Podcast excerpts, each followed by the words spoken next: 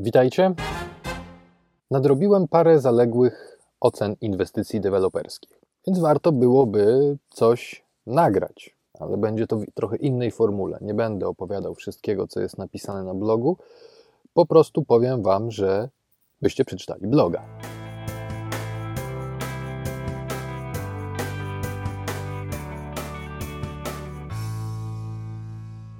Życzliwa Praga od Robygu.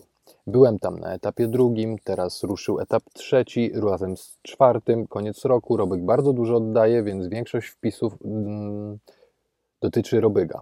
O czym warto na pewno wspomnieć, to sposób pomiaru powierzchni pod ścianami działowymi. Mamy tutaj piękne porównanie trzech czy czterech inwestycji i wszystkie te trzy inwestycje poza życzliwą Pragą mają źle policzoną powierzchnię pod ściankami działowymi.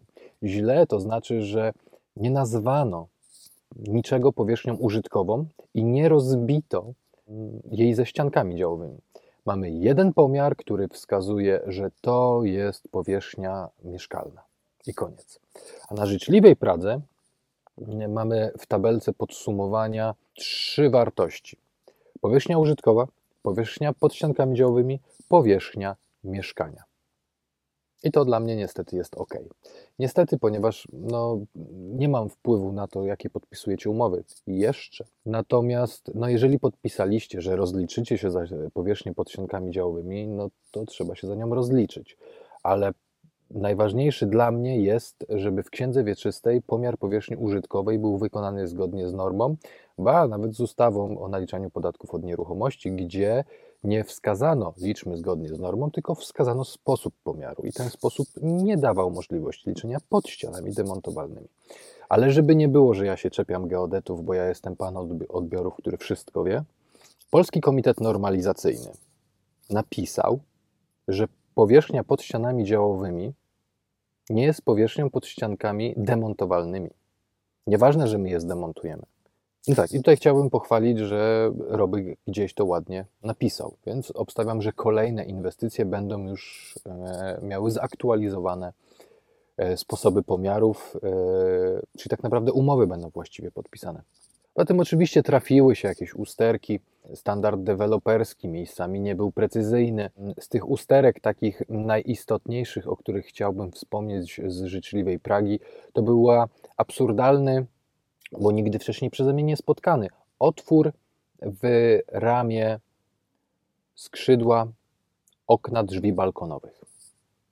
Takie otwory zwykle występują w ramię wościeżnicy, które są okapnikami zasłonięte, e, zaślepkami i tamtędy wypływa woda. Natomiast w samej ramie te otworki zwykle są wywiercone gdzieś od spodu żeby tam wpadały do ościeżnicy, do korytka i wypływały na zewnątrz ramy, gdyby tam jakaś woda miała się skroplić. I te otwory są tam zupełnie niepotrzebne. Poza tym nie we wszystkich oknach one występowały. Był to jakiś błąd technologiczny. W paru miejscach się zdarzyło, pozbędą się tego. Poza tym e, w dwóch e, czy trzech lokalach, na pewno w dwóch, jak opukiwałem posadzkę, żeby zobaczyć taki najprostszy sposób bez nawiercania, żeby sprawdzić, czy warstwy są e, równej grubości, po prostu jest inny dźwięk. Ale też w ten sposób jakby opukujemy ściany, żeby zobaczyć, czy pod spodem jest głuche. Jak tak puknąłem w narożnik, to pękł. Posadzka była za cienka, że tylko tam mi się to zdarzyło tak naprawdę. Strasznie mi było głupio i jakby mm, obiecałem, że jeżeli będzie z tego tytułu problem, to ja przyjdę naprawię, żeby nie było, że gdyby deweloper nie naprawił, to zostawię klienta z pękniętą posadzką.